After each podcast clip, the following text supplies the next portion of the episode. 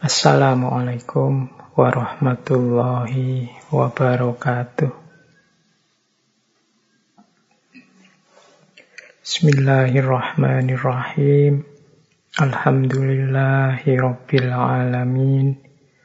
Wabihi nasta'inu ala umurid dunya waddin.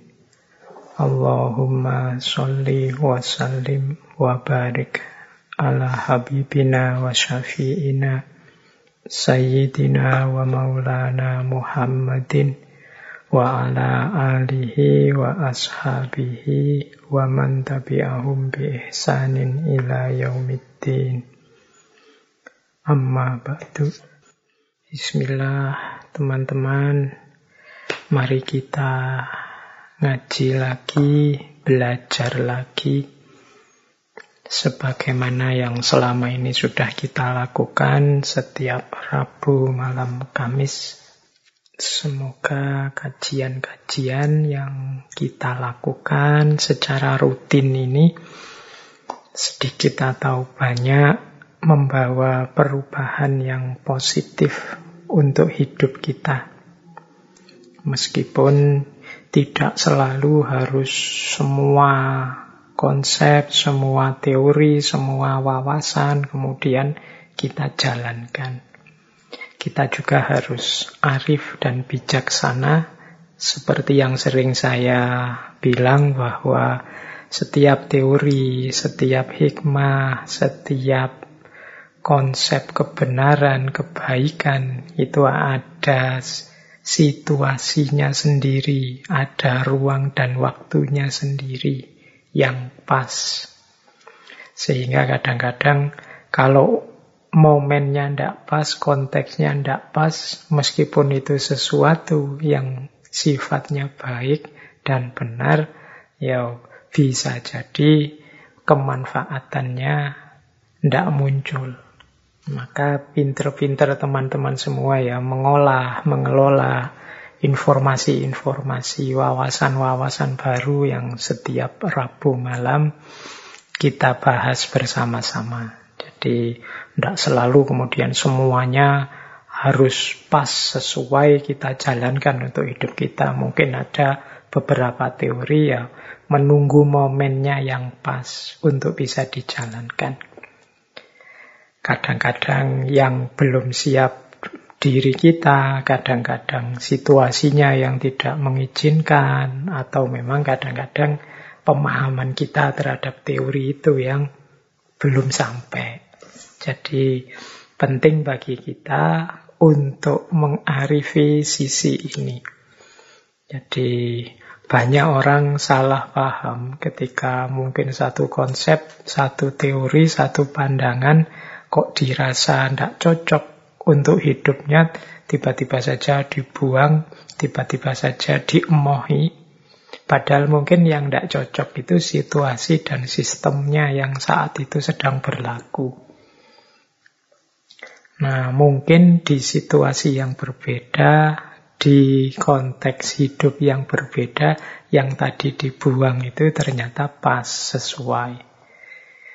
Ya mudahnya misalnya konsep larangan membunuh orang misalnya. Lalu itu ya kalau di situasi damai, aman, tentram ini satu kejahatan yang luar biasa membunuh orang itu.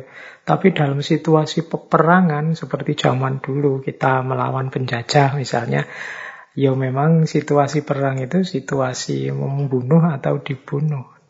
Jadi ada nilai yang berbeda. Yang memang konsep larangan membunuh itu jadi tidak relevan kalau kita bawa pada situasi perang. Hal yang sama bisa kita kiaskan, misalnya kapan kita memahami pasnya konsep pasrah. Kan kita sering di ceramah-ceramah itu disuruh pasrah, disuruh tawakal. Itu kan kita harus ngerti benar ini kapan dijalankan, kapan dioperasikan pasrah itu. Kalau salah momen, salah konteks ya pasrah itu bisa membuahkan sesuatu yang negatif. Bukan salah pasrahnya, tapi kesalahan kita menggunakan teori kepasrahan ini. Baik, uh, malam hari ini kita lanjut ke tema pemahaman diri tentang mengenali siapa kita. Untuk malam hari ini kita masuk melalui gerbang perspektif generasi. Jadi mungkin teman-teman sering dengar orang bilang bahwa kita ini anak zamannya masing-masing.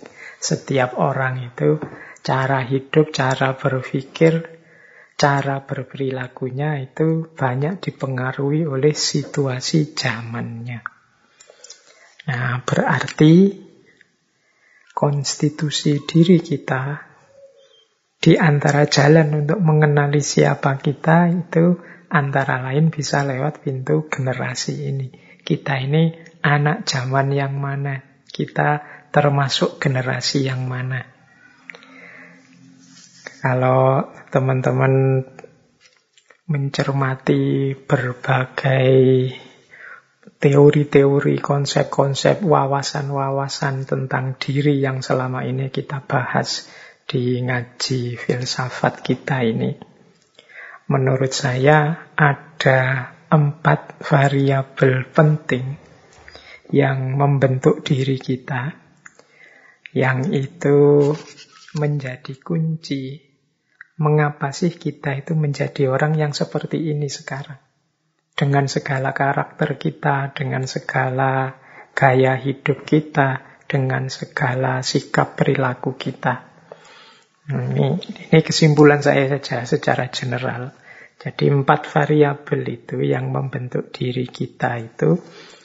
Yang pertama, variabel yang paling kecil adalah situasi konkret yang sering kita hadapi sehari-hari.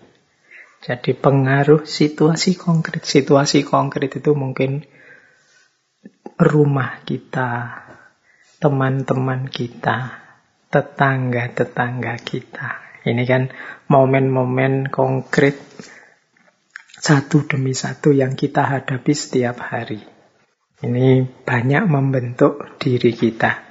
Kita lahir dalam situasi keluarga yang seperti apa, teman-teman yang kita miliki selama ini apa saja.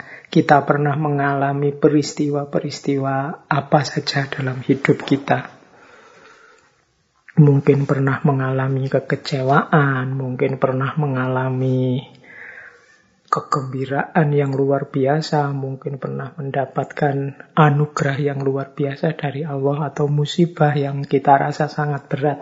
Ini situasi-situasi yang kita hadapi yang itu membentuk diri kita. Baik secara positif maupun secara negatif. Ini variabel yang menurut saya banyak bermain. Pengaruh situasi. Boleh teman-teman kalau ingin memahami dirinya, bermuhasabah, coba dicek. Aku itu jadi orang yang seperti ini, itu kira-kira akarnya di mana? Kok aku jadi orang yang agak pemarah ya, padahal aku dulu sabar. Kira-kira ini lahir dari peristiwa-peristiwa apa dalam hidupku? Atau pengaruh teman-temanku yang mana? Atau situasi keluarga yang seperti apa yang selama ini aku alami? Yang pertama itu. Jadi pengaruh situasi. Yang kedua, lebih luas, pengaruh tradisi, pengaruh budaya. Kalau ini lebih luas daripada situasi-situasi satu demi satu yang kita alami tiap hari.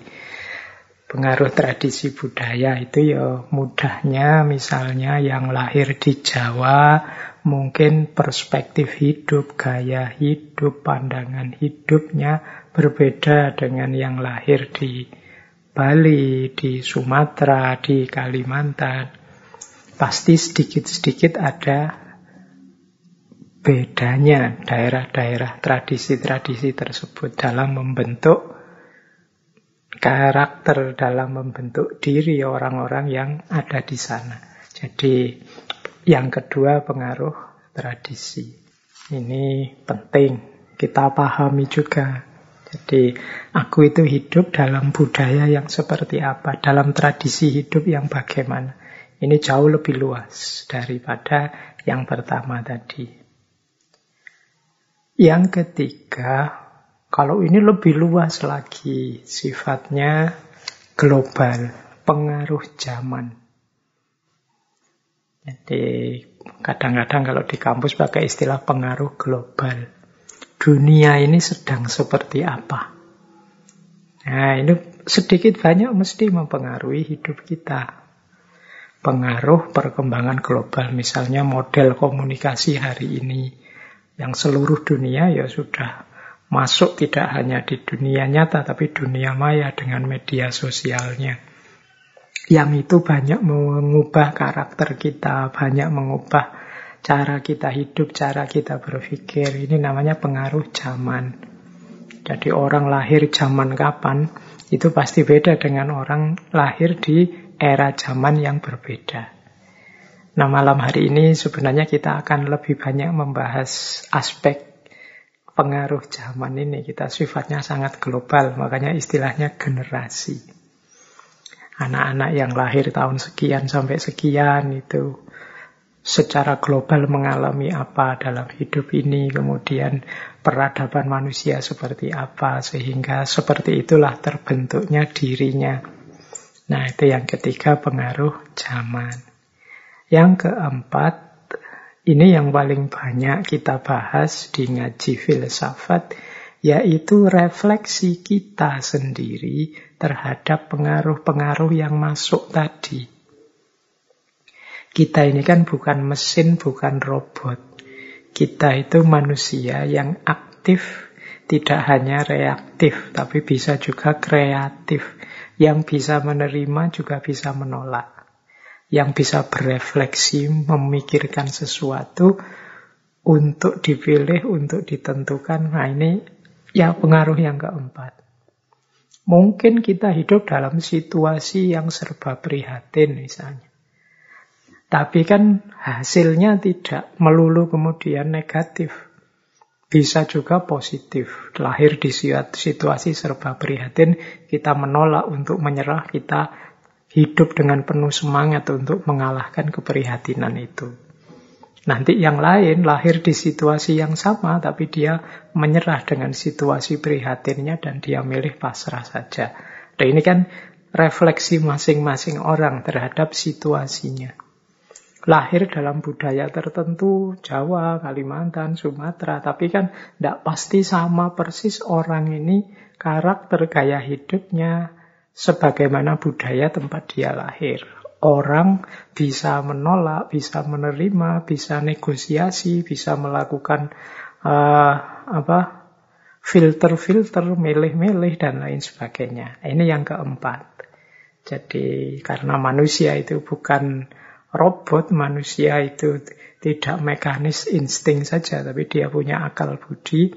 Tentu saja pengaruh-pengaruh tadi ya bisa diterima, bisa ditolak. Yang jelas ini yang mempengaruhi konstitusi dirinya. Jadi saya orang sini Pak, tapi karakter saya saya kembangkan dengan cara berbeda dengan orang sini. Karena menurut saya yang lebih bagus yang seperti ini. Nah itu mungkin saja terjadi.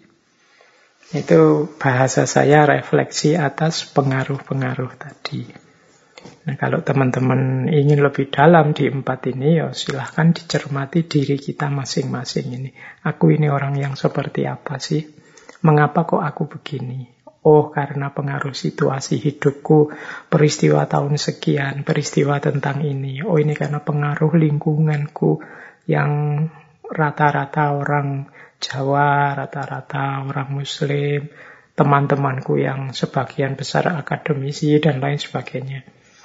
Oh, ini pengaruh global. Zamannya memang seperti ini. Semua orang sekarang cara hidupnya ya banyak dipengaruhi oleh dunia maya, dunia digital. Jadi mau tidak mau saya sekarang begini. Nah itu muhasabah kita tentang diri, termasuk refleksi-refleksi kita terhadap pengaruh-pengaruh tadi.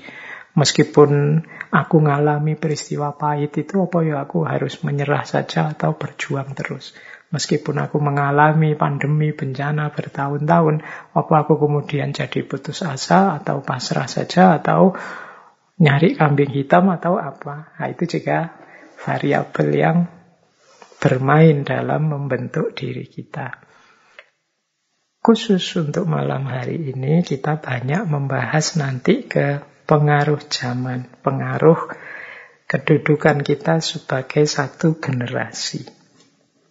Ini teman-teman kan sering akhir-akhir ini mendengar orang istilah wah ini generasi milenial nih, wah ini generasi Y, generasi X, generasi Z dan lain sebagainya. Nah, malam hari ini kita tengok sebentar ya, biar tidak hanya kita dengar-dengar saja istilah-istilah itu, malam hari ini kita belajar sebentar. Memang kenapa sih kalau kita itu masuk generasi yang milenial, memang kenapa sih kalau kita itu masuk generasi X atau masuk generasi Z misalnya. Yang malam hari ini kita belajar itu sambil kita amat-amati diri kita seperti itu atau tidak kita. Mungkin ya, mungkin tidak. Wong ya seperti saya bilang tadi, setiap teori itu kan ada wadahnya sendiri-sendiri dan juga manusia itu bukan robot yang pasif. Dia bisa menolak, bisa menerima. Baik, kita mulai bismillah untuk tema kita malam hari ini. Jadi begini, kalau teman-teman ingin belajar tentang teori generasi ini yang banyak dibahas sekarang, banyak disebut-sebut orang, ada beberapa tokoh yang terkenal membahas tentang generasi. Yang saya ingat pertama Misalnya Karl Mannheim. Karl Mannheim itu nulis satu artikel yang judulnya The Problem of Generation. Ini tahun 1923. Nah, boleh kalau teman-teman nyari kelihatannya online itu bisa dibaca artikelnya tentang The Problem of Generation. Tapi yang paling terkenal teori generasi itu adalah tulisan-tulisan dari dua orang ahli, dua orang penulis dari Amerika namanya William Strauss dan Neil Howe. Ini mereka berdua ini nulis satu buku yang judulnya Generation tahun 1991. Nah, buku Generation ini isinya sebenarnya membahas sejarahnya Amerika Serikat yang mundur sejak tahun sekitar 1500-an sampai tahun ketika buku itu ditulis. Nah, buku Generation ini nanti dilanjutkan buku selanjutnya yang judulnya The Fourth Turning tahun 97. Ini juga meluaskan teorinya yang kemudian banyak dipakai orang tidak sekedar untuk Amerika saja, tapi biasanya dipakai, dipinjam untuk membaca berbagai generasi di seluruh dunia. Di situlah nanti kita yang teman-teman sering dengar istilah generasi milenial lah, generasi X ya, generasi Z lah, dan lain sebagainya.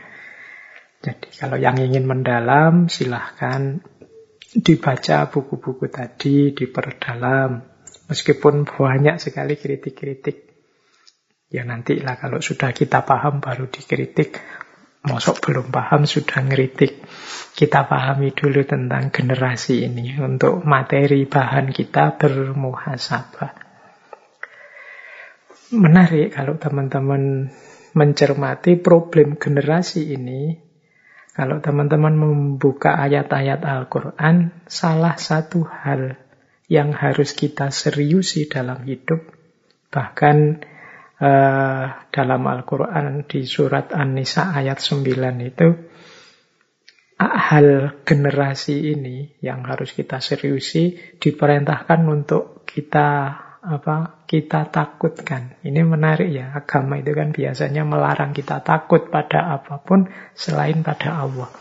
Tapi di surat An-Nisa ini kita disarankan wal yahsya. Jadi hendaklah engkau takut. Takut itu berarti jangan sembrono. Jangan kamu anggap sepele. Jadi wal yahsyal ladzina lautaroku min khalfihim dzurriyyatan di'afa. Jadi hendaklah takut kepada Allah orang-orang yang seandainya meninggalkan di belakang mereka anak-anak atau generasi yang lemah. Jadi hendaklah mereka takut pada Allah kalau meninggalkan generasi yang lemah karena generasi ini ya kuncinya peradaban manusia. Kalau generasinya rusak ya peradaban manusia rusak. Kalau peradaban manusia rusak ya bumi ini mungkin juga rusak. Wong bumi ini diamanatkan pada manusia untuk mengelolanya. Berarti problem generasi ini problem penting ditegaskan oleh Al-Quran sendiri. Kita harusnya lebih serius agar tidak meninggalkan generasi yang lemah. Ya tentu saja cara kita agar tidak meninggalkan generasi yang lemah ya kita pahami, kita ketahui dulu ilmu-ilmunya tentang karakter dan ciri-ciri generasi. Baik, silakan nanti yang tertarik ayat itu didalami, dibaca lagi, dicari tafsirnya. Bagaimana kalau versi Al-Quran membangun generasi yang kuat. Mungkin lain waktu kita bisa masuk yang dari perspektif Islam. Malam hari ini kita perdalam dulu wacana yang dipopulerkan oleh Strauss and Hui tadi. Baik, kita awali dari definisi tentang generasi. Yes, teman-teman pastinya sudah paham lah ya, saya tidak perlu menjelaskan detail apa itu generasi.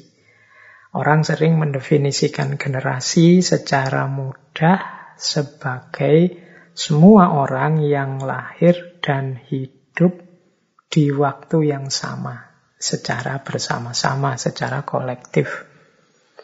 Jadi, Siapa pun yang rentang waktu durasi hidupnya sama, waktu hidup di dunia ini sama, pengalamannya sama, merasakan peristiwa-peristiwa besar sama, yaitu namanya satu generasi.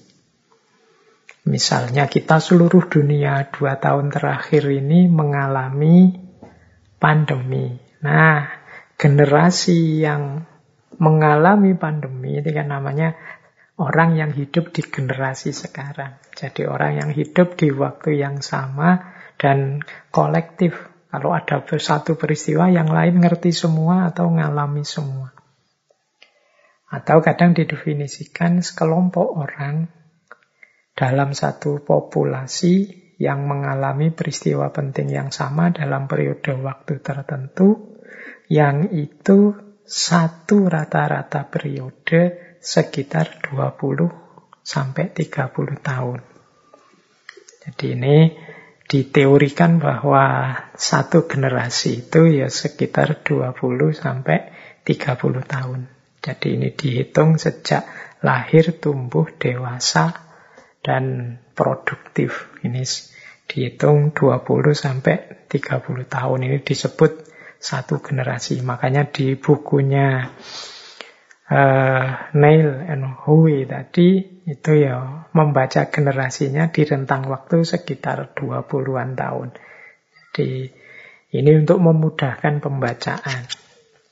Baik, yang teknis-teknis mungkin tidak terlalu kita bahas karena banyak kritik terhadap teori ini. Nanti kita ambil yang umum-umum saja untuk memahami diri kita.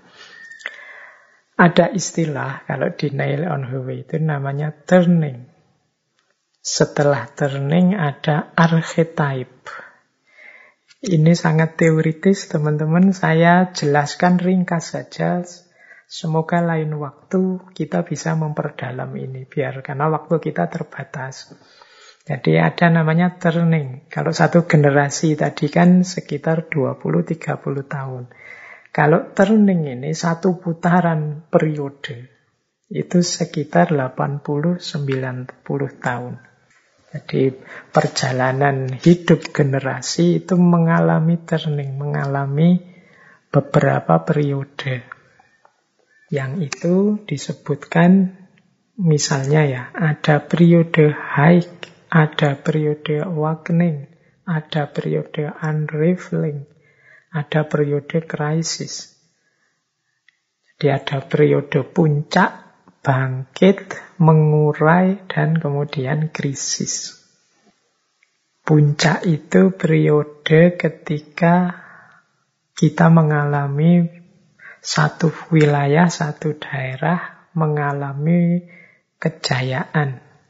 Jadi biasanya cirinya institusi kuat, tapi individu-individu lemah karena banyak bergantung pada institusi. Maksudnya apa? Ini periode turning ini kalau di satu uh, periode high ini di satu wilayah ketika orang sedang mengalami gemah ripah loh jinawi, makmur, adil, tentram. Ini kan periode puncak.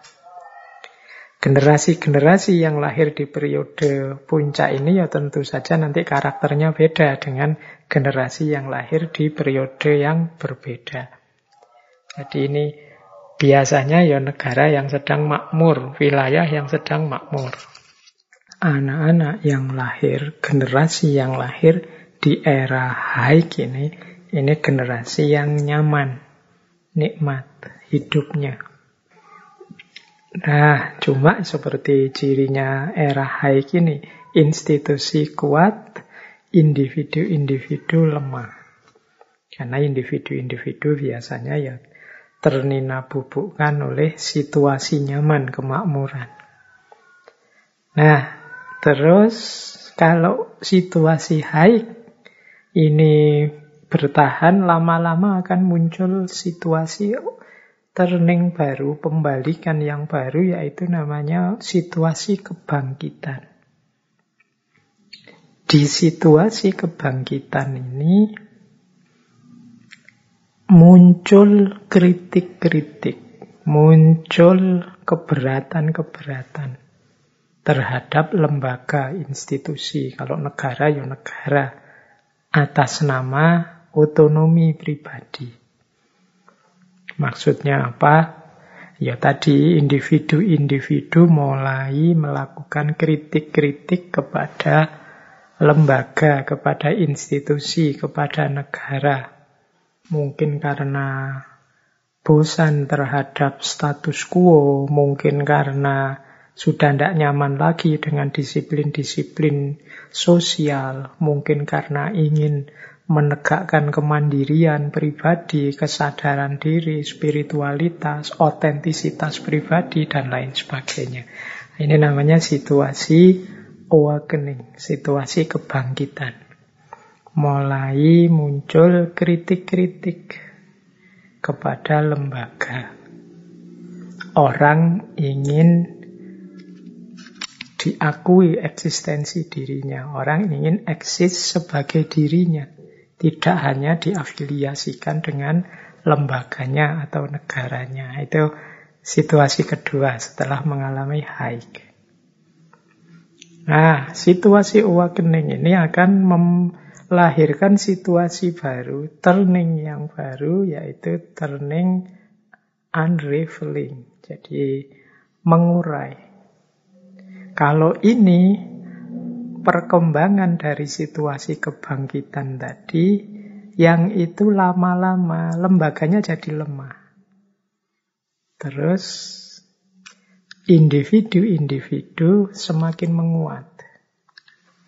Jadi orang ingin mengedepankan eksistensinya sendiri-sendiri, saling tidak mau ngalah.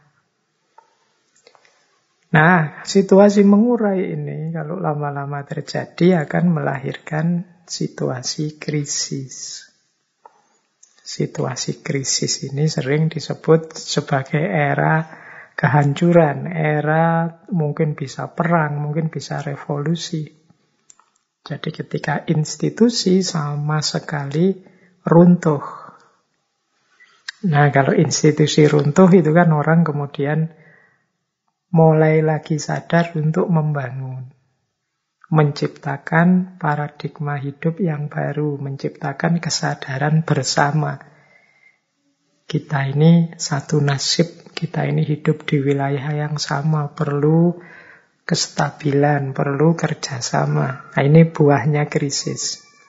Jadi setelah institusinya runtuh sama sekali, muncul kemudian upaya-upaya membuat kesepakatan baru. Nanti kalau sudah sukses, lama-lama sukses, jadi haik lagi. Haik itu situasi makmur lagi. Kalau sudah makmur, institusi kuat, masing-masing muncul egonya. Lahir awakening, kebangkitan. Kebangkitan tambah kuat, akhirnya institusi runtuh. Muncul krisis terus, berputar begitu. Itu namanya satu turning. Meskipun disimplifikasi dalam Nail on Highway, ya, satu turning itu sekitar 80 sampai 90 tahunan. Nah, satu putaran ini generasi-generasi yang lahir di era high, lahir di era awakening, lahir di era unraveling atau lahir di era krisis, itu mentalnya beda-beda, karakternya beda-beda. Ini nanti antara lain yang jadi dasar dalam membaca generasi. Jadi ini generasi lahir kapan, situasi yang dihadapi, kira-kira apa? Apa situasi high, apa situasi awakening, atau situasi unraveling, atau situasi krisis. Baik, oh ini pengantar saja untuk kita memahami bagaimana cara berpikir dalam buku generasi yang saya jelaskan tadi dan buku The Fourth Turning. Oke, teman-teman, kita langsung jujuk saja ya ke kategori-kategori generasinya. Nanti terus mari kita pahami dalam rangka memahami diri kita sendiri-sendiri. Kita ini ada di generasi yang mana? Kira-kira pengaruh zaman apa yang masuk ke diri kita? Baik, bismillah. Kalau baca bukunya and Howe tadi, itu banyak sekali standar-standar yang dipakai untuk uh, memahami generasi. Nanti ada saikulum apa, saikulum apa. Nah, kita pakai yang sering kita sebut saja dalam dunia kita sehari-hari hari ini. Istilah-istilah yang menyebut generasi. Ini simplifikasi saya dari buku itu. Jadi kita bagi saja kategori generasi itu jadi enam sesuai dengan buku itu. Ada generasi veteran atau tradisionalis yang lahir tahun 1925 sampai 1945. Ya sebenarnya banyak sih urian generasi-generasi sebelum itu termasuk ada tentang lost generation dan lain sebagainya. Tapi kita simpelkan dulu saja. Semoga lain waktu ada lebih detail membahas ini. Ini kan konteksnya untuk memahami diri kita. Makanya saya awali dari generasi tradisionalis atau veteran. Yang itu dimulai tahun 1925 sampai 1945. Yang kira-kira insya Allah masih ada yang hidup hari ini. Tapi mungkin generasi sebelum itu sudah sangat jarang kalau dibilang begitu ya. Karena 20 tahun ke belakang dari 1925 itu kan 1905 itu kemungkinan ya sudah tidak ada yang masih hidup. Kalau ada luar biasa. Jadi 25 sampai 45 itu tradisionalis atau generasi veteran nanti ada generasi namanya baby boomers teman-teman mungkin pernah dengar juga ya istilah ini kalau baby boomers itu sekitar tahun 1946 sampai 1964. Nanti ada generasi X. Generasi X ini tahun 1965 sampai 1980. Nah, kalau saya masuk generasi X. Kalau teman-teman yang ikut ngaji hari ini mungkin banyak yang generasi Y. Generasi Y ini yang dikenal sebagai generasi milenial. Ada yang menyebut ya generasi milenial itu tahun 1981 sampai 1997. Kemudian ada generasi Z. Generasi Z itu tahun 98 sampai 2010. Dan nanti ada yang nambah satu lagi, yaitu namanya generasi alfa. Generasi alfa itu yang lahir 2010 sampai sekarang. Kira-kira itu pembagiannya teman-teman dan juga tahu kalau tahun ini agak ada selisih-selisih orang tapi ya saya ambil saja yang itu yang penting rentangnya kurang lebih 20 tahun untuk satu generasi. Jadi ada tradisionalis atau veteran, ada baby boomers. Ini era perjuangan ini kalau di Indonesia 4664 ada generasi X 6580, ada generasi Y, generasi milenial, ada generasi Z, ada generasi alpha. Kalau generasi tradisionalis yang lahir tahun 25 sampai 45 ini kadang disebut silent generation. Silent generation ini karena ini generasi yang banyak mengalami peristiwa-peristiwa yang mengubah peradaban, peristiwa besar memilukan. Ya seperti Perang Dunia Kedua. Biasanya generasi yang lahir era ini, ini generasi yang masih serba sulit, serba prihatin. Situasi dunia tidak menggembirakan. Ini masih rame-ramenya perang. Jadi siapa pun sedang berprihatin karena perang dunia kedua. Ya tentu saja watak generasi yang lahir di era tradisionalis ini nanti agak berbeda. Nah, terus setelah era tradisionalis ada era baby boomers. Era baby boomers ini era 4664. Ini disebut baby boomers karena era ini lahir banyak sekali bayi-bayi. Angka kelahiran meningkat tajam. Perang selesai, ya orang kembali lagi ke rumahnya masing-masing. Mulai membangun, mulai muncul optimisme-optimisme dalam hidup, mulai muncul kesadaran-kesadaran membangun kreatif untuk hidupnya. Jadi ini era dimulainya berbagai kemajuan. Situasi mulai makmur. Nah, tingkat kelahiran bayi jadi banyak. Makanya istilahnya baby boomers. Kalau di Indonesia ini kan awal kemerdekaan. Muncul optimisme-optimisme. Baik, Era selanjutnya, ini anak 65-an ini, 65 sampai 80 termasuk saya. Ini generasi X. Kalau generasi X ini sudah tidak baby boomers lagi. Orang mulai sadar pentingnya uh, pembatasan kelahiran.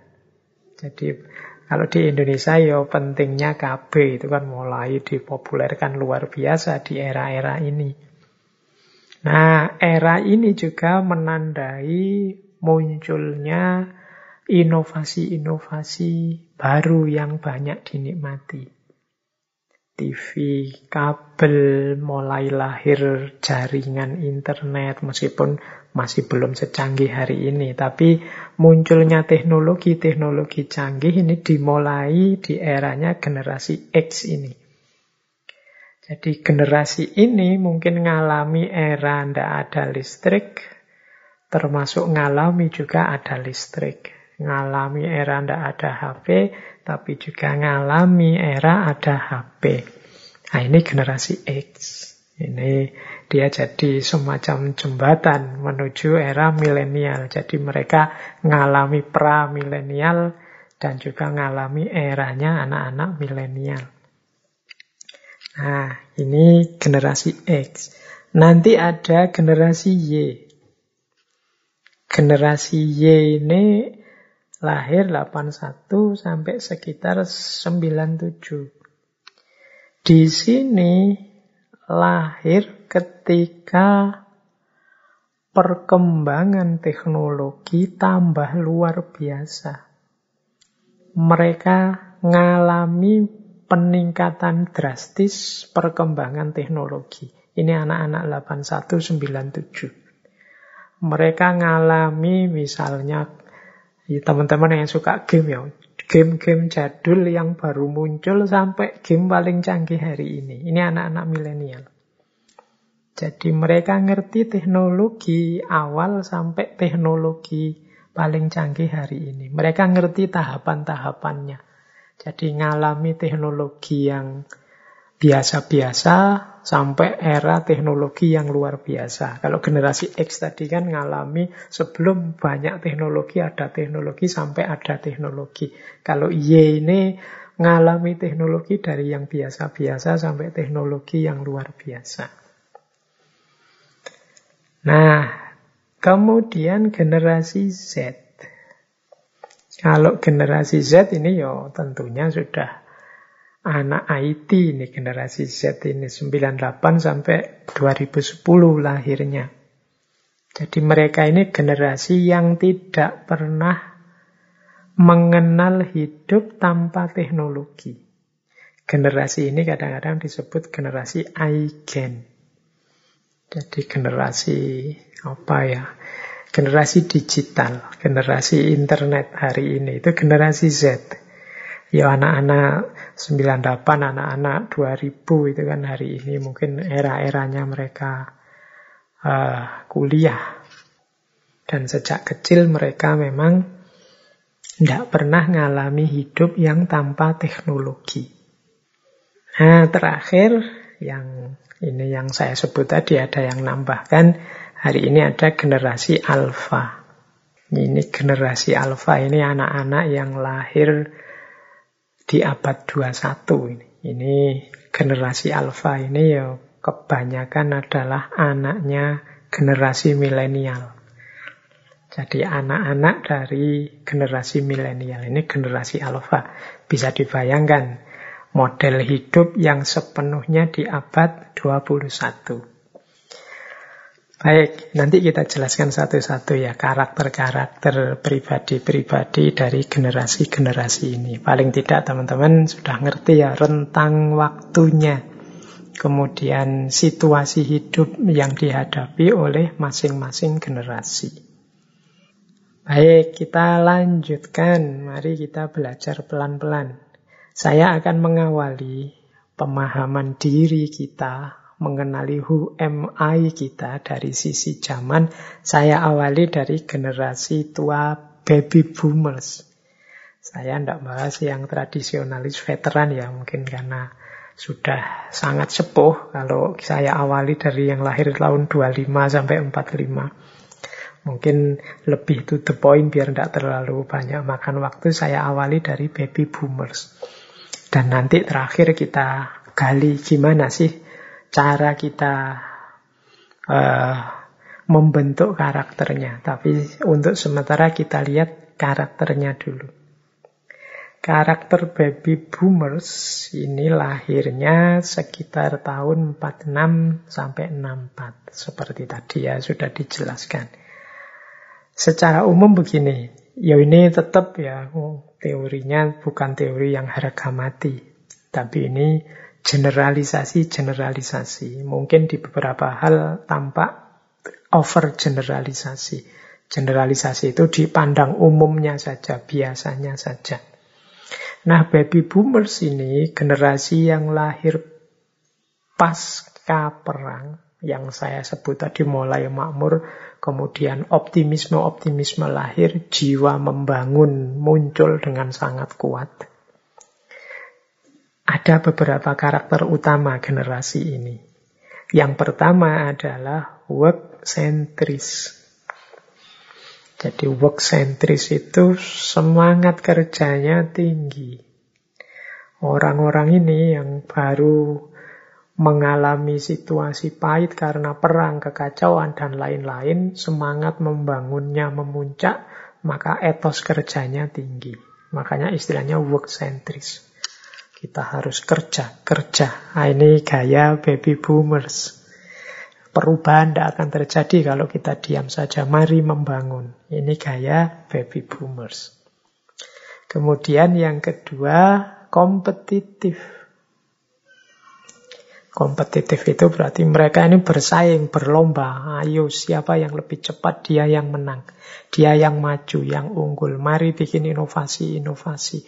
Mari melakukan temuan-temuan untuk menghasilkan kemajuan-kemajuan. Nah, jadi istilah progres, kemajuan, dan lain sebagainya itu populer sekali. Jadi gaya baby boomers itu kompetitif. Mereka ingin menang, tidak mau kalah dengan yang lain. Kalau sana maju, yo kita harus maju juga. Kalau mereka sukses, kita juga harus sukses. Nah ini gaya kedua. Jadi kompetitif. Nah ini boleh teman-teman membandingkan dengan orang tuanya misalnya atau kita yang mungkin Bapak Ibu ada yang mendengarkan ngaji malam ini kira-kira cocok nggak ya? Generasi era ini itu kompetitif. Dia tidak nyaman kalau kalah dengan yang lain. Dia inginnya maju dan work centris inginnya kerja keras kemudian self reliant self reliant itu mandiri Kemandirian itu jadi kebanggaan tersendiri, ketidaktergantungan. Saya bisa memenuhi kebutuhanku sendiri. Dulu zaman Orde Baru di Indonesia di era-era ini kan populer sekali istilah misalnya swasembada. Jadi bisa memenuhi sendiri kebutuhan-kebutuhannya. Self-reliance. Kemudian yang keempat, generasi baby boomers ini appreciate proses. Sangat menghargai proses. Yo kalau ingin sukses ya kerja. Kalau ingin berhasil ya berjuang. Sangat menghargai proses. Kemudian sangat menyetujui, menyukai self-improvement. Jadi bagaimana meningkatkan kualitas diri yang terus-menerus. Ini mental-mental yang dikembangkan mungkin oleh simbah-simbah kita hari ini. Jadi orang itu ya harus tambah baik, tambah baik. Jangan jadi orang buruk, jangan jadi orang yang rankingnya turun. Ranking kita harus naik terus. Nah kemudian etik. Jadi etik itu ya sangat menjunjung tinggi, mengedepankan moralitas, etika akhlak dan adab. Nah, ini menjadi andalan dari kelompok baby boomers. Makanya adik-adik, teman-teman, ya jangan bosen, jangan jemu kalau sering dinasehati oleh simbah-simbahnya untuk jadi orang yang baik, yang sifatnya begini, begitu. Karena memang karakternya baby boomers itu fokus pada etik dan juga idealistik. Idealistik itu banyak ideal-ideal, banyak nilai-nilai hidup, nilai-nilai diri yang diperjuangkan. Jadi hidup berdasar nilai-nilai, berdasar norma, berdasar etik untuk meningkatkan diri, kemudian mengikuti proses, sadar proses untuk mandiri, hidup secara kompetitif dan kerja, work centris. Itulah beberapa karakter yang baby boomers. Meskipun ada kritik juga, ada sedikit kecenderungan kelompok baby boomers itu punya karakter egoistik. Egoistik itu ya intinya kalau dia merasa benar ya sudah, sulit dikritik. Jadi versinya dia dianggap ya ini yang terbaik. Kalian harus manut saya, ikut saya. Nah ini gaya baby boomers. Ya saya bilang tadi ini tidak harga mati. Mungkin setiap orang beda-beda. Tapi secara umum, secara global, karakter baby boomers itu ya semacam ini. Work centris, kompetitif, self-reliant, appreciate proses, self-improvement, etik, idealistik, dan agak egoistik. Baik. Nah, sekarang kalau generasi selanjutnya setelah baby boomers, ini generasi X, ini 65 sampai 80. Ini mungkin kalau sebagian besar teman-teman yang mendengarkan, ya generasi X ini orang tuanya, orang tuanya teman-teman hari ini. Itu mungkin kelahiran generasi X. Saya juga masuk generasi X. Ada sedikit beda di era ini. Ini sudah sudah agak jauh dari perang, sudah mengalami kemakmuran. Sudah mulai muncul fasilitas-fasilitas teknologi. Nah, generasi X ini melanjutkan era baby boomers. Yang pertama punya karakter balance antara work and life. Jadi kalau generasi baby boomers cirinya pekerja keras, gimana caranya bekerja meningkatkan kualitas diri. Tapi generasi X ini yo kerja yo kerja. Tapi kerja untuk hidup. Bukan hidup untuk kerja. Jadi bagi generasi X, kerja itu alat untuk memenuhi kebutuhan hidup. Jadi kerja itu alat bukan tujuan. Nah ini cara berpikirnya generasi X. Kalau baby boomers tadi kan semangat sekali kerja, pokoknya ayo kerja, ayo kerja. Tidak salah karena zaman itu sedang semangat-semangatnya membangun pasca perang. Nah, generasi X ini situasinya sudah stabil lama, maka muncul kesadaran, yo kita hidup ini bukan kerja untuk hidup, tapi eh, bukan hidup untuk kerja, tapi kerja untuk hidup. Jadi kerja itu alat untuk memenuhi tujuan hidup. Ciri pertama. Ciri kedua dari generasi X ini lebih fleksibel. Lebih mudah beradaptasi, toleran terhadap berbagai gaya hidup. Saya bilang tadi, generasi X ini mengalami era teknologi sangat sederhana atau tanpa teknologi dan juga era teknologi canggih. Dan mereka ini karena mengalami perubahan-perubahan drastis dalam hidup ini, mereka lebih fleksibel. Jadi lebih mudah beradaptasi, lebih mudah menyesuaikan diri kalau terjadi perubahan-perubahan gaya hidup. Nah, ini ciri kedua dari generasi X. Ciri ketiga, lanjutan dari karakter generasi X adalah individualistik. Jadi individualistik itu mereka lebih menghargai dirinya. Mereka lebih suka apa? independen, tidak diatur-atur, tidak terlalu diintervensi. Mereka menghargai kebebasan plus tanggung jawab. Nah, ini cirinya generasi X. Kalau terlalu banyak diatur, mereka tidak suka. Kalau terlalu banyak dikekang, mereka tidak nyaman. Kalau boleh ya nyari celah untuk bisa bebas. Nah, ciri generasi X itu ya mungkin kalau banyak diatur ya dengan berbagai pertimbangan mereka kelihatan patuh, tapi sebenarnya mereka gembira, mereka lebih suka yang lebih bebas, yang tidak terlalu banyak aturan. Itu ciri generasi X. Makanya selain individualistik, mereka itu karakternya informal. Jadi tidak terlalu suka eh, hal-hal uh, yang formal, yang resmi, yang diatur. Mereka tidak mau banyak diatur juga tidak terlalu ingin mencampuri urusan orang lain, ngatur-ngatur orang lain. Nah, ini di buku itu dijelaskan begitu dan juga technologically adapt.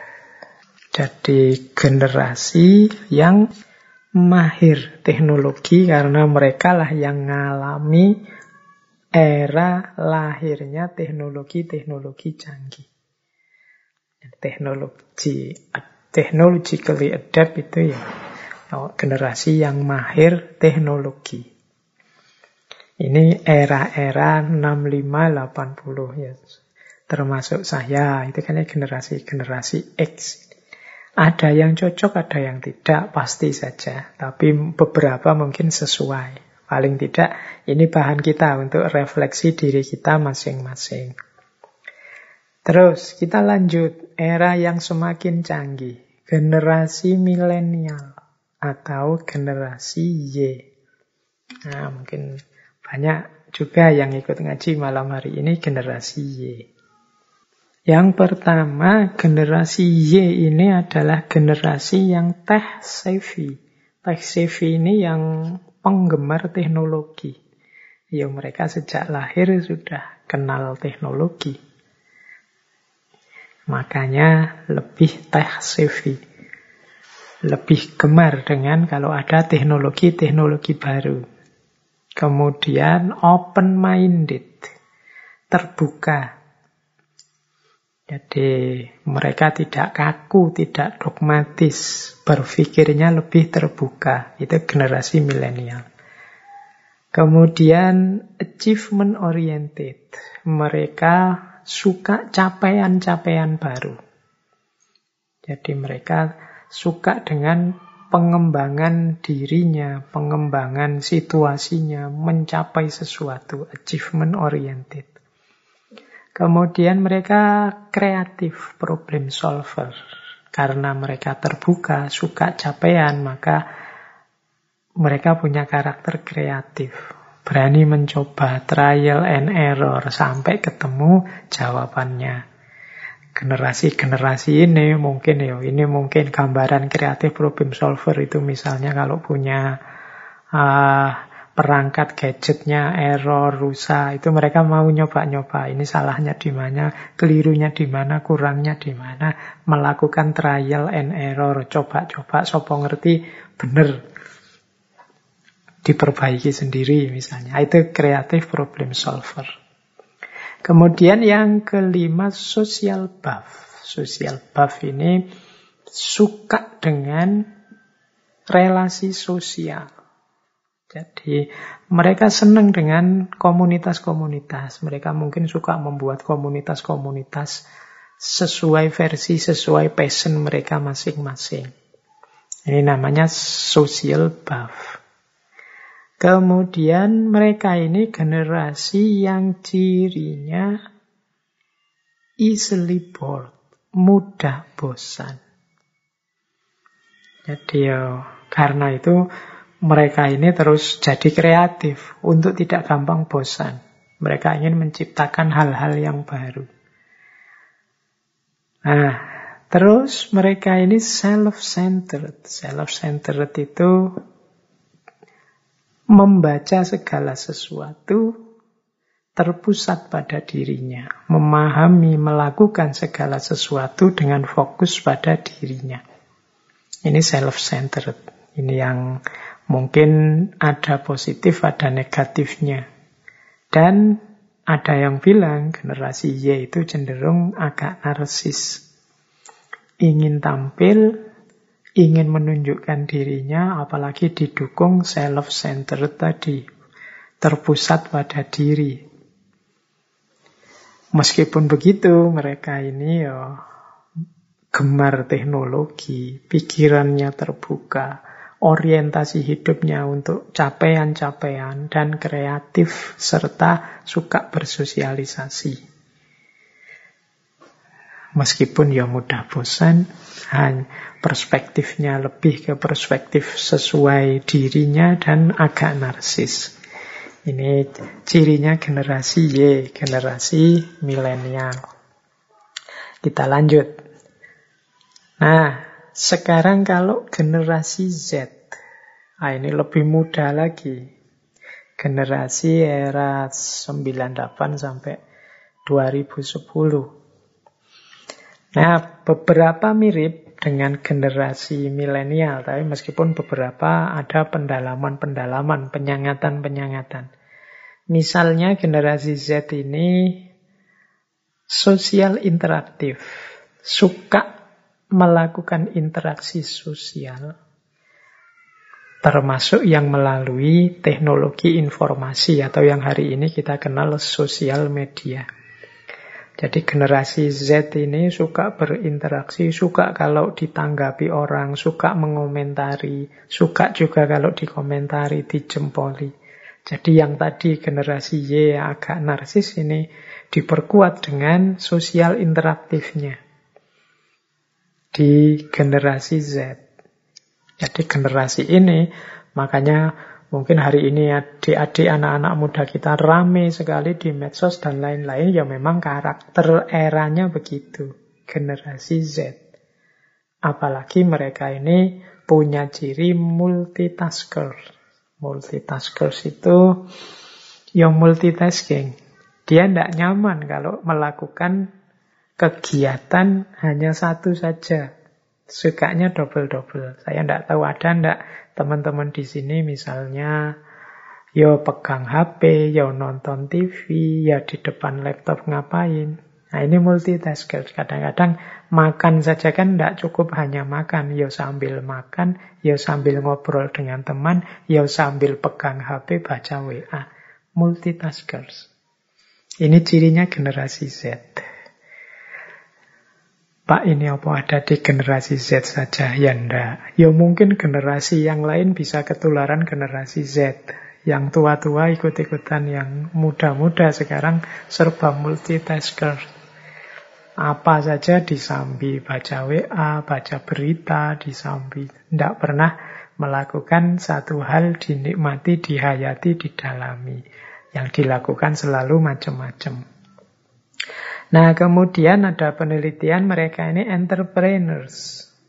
Generasi Z ini ada penelitian 72% ingin merintis bisnis atau usaha sendiri. Generasi Z ini malu. Kalau ditanya cita-citanya apa, terus mungkin jawabnya ingin jadi PNS atau ASN, ingin jadi... Mereka ini lebih suka, lebih bangga kalau mampu misalnya membuka usaha mandiri atau bisnis-bisnis mandiri. Nah, ini gayanya generasi Z.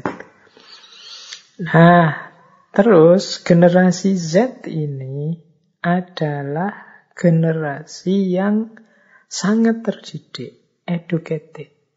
Mengapa? Karena mereka bisa dapat informasi apa saja langsung dari internet, dari teknologi informasi yang mereka pegang.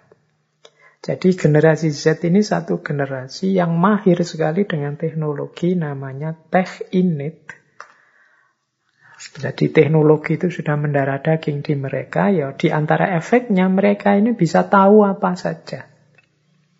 Bekalnya apa? Lo bekalnya HP. Wah ini ngeri kalau berhadapan dengan generasi Z misalnya sebelum ke dokter misalnya itu kalau generasi ini itu sudah googling dulu penyakitku ini namanya apa, cirinya apa, kelemahannya apa, obat-obat yang bisa membantu ini, ini, ini. Wow, itu kalau nanti sudah ketemu dokter bisa diskusi sama dokternya. Dia tahu macam-macam dari Google. Mungkin mau belanja ya sudah survei harga-harga dulu. Jadi kalau pedagangnya menaikkan harga suka-suka dia punya data, punya referensi. Ah ini kemahalan. Karena harganya kan kalau di marketplace sekitar sekian, ini yang asli sekian, yang KW sekian. Mereka ini ngerti banyak hal. Jadi karena mudah mengakses informasi, itu yang disebut generasi educated, generasi Z. Nah, secara umum kemudian generasi ini banyak yang berkarakter filantropis mereka ingin menyumbangkan hal besar, ingin melakukan hal besar untuk dunia, untuk hidup ini. Jadi ini namanya filantropis. Mereka punya idealisme-idealisme yang ingin mereka sumbangkan untuk dunia. Nah, mereka ini digital native dan tech innate seperti saya bilang tadi. Mereka generasi yang tidak bisa membayangkan hidup ini tanpa teknologi. Jadi beda dengan generasi saya misalnya. Ya, kalau generasi saya, saya waktu kecil di desa saya belum ada listrik. Kemudian ngalami ada listrik. Dari radio nanti ngalami uh, dari nonton TV, misalnya nonton film, zaman dulu ada model video yang ada kaset uh, beta itu kasetnya besar itu, kemudian ada era VCD, ada era DVD, ada era itu kan zaman saya generasi. Tapi generasi Z ini mereka sudah lahir ketika teknologi sudah sangat canggih. Makanya mereka tidak membayangkan, sulit membayangkan hidup yang tanpa teknologi. Nah, ini generasi Z. Di antara kelemahannya, Ya, kalau generasi Z ini less focused. Jadi karena sukanya multitaskers, mereka ini sulit kalau disuruh fokus pada satu hal. Jadi kita harus sering-sering mengingatkan. Ada penelitian yang bilang generasi ini spend attention-nya, spend attention itu uh, fokus perhatiannya itu bertahan hanya sekitar 8 detik. Jadi mereka bisa fokus pada sesuatu secara serius itu ada yang bilang kalau generasi Z ini hanya 8 detik. Setelah itu mungkin mereka noleh sana, noleh sini, ingin melakukan hal lain selain yang sedang dilakukan tadi. Jadi ini generasi Z ini dia harus sering diingatkan untuk fokus. Belajar misalnya pegang laptop ingin belajar, begitu laptop di depannya, tidak jadi belajar, malah mungkin buka buku pelajarannya sebentar, lalu terus buka-buka yang lain. Ini karena di antara karakternya multitaskers. Nah ini generasi Z. Nah, generasi Z ini anak-anak yang mungkin hari ini kuliah. Nah, yang terakhir ada generasi alfa. Generasi alfa ini ya jauh lebih canggih peradabannya dibandingkan anak-anak dari generasi Z. Kalau tadi generasi Z tidak membayangkan hidup yang tanpa teknologi, ah generasi alfa ini ya sudah lebih jauh dari itu.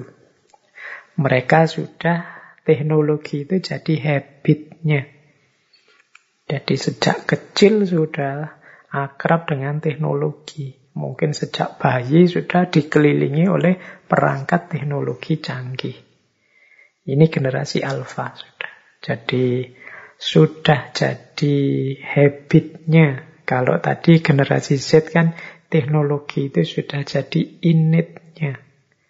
Kalau generasi Y kan tech savvy. Teknologi jadi kegemarannya.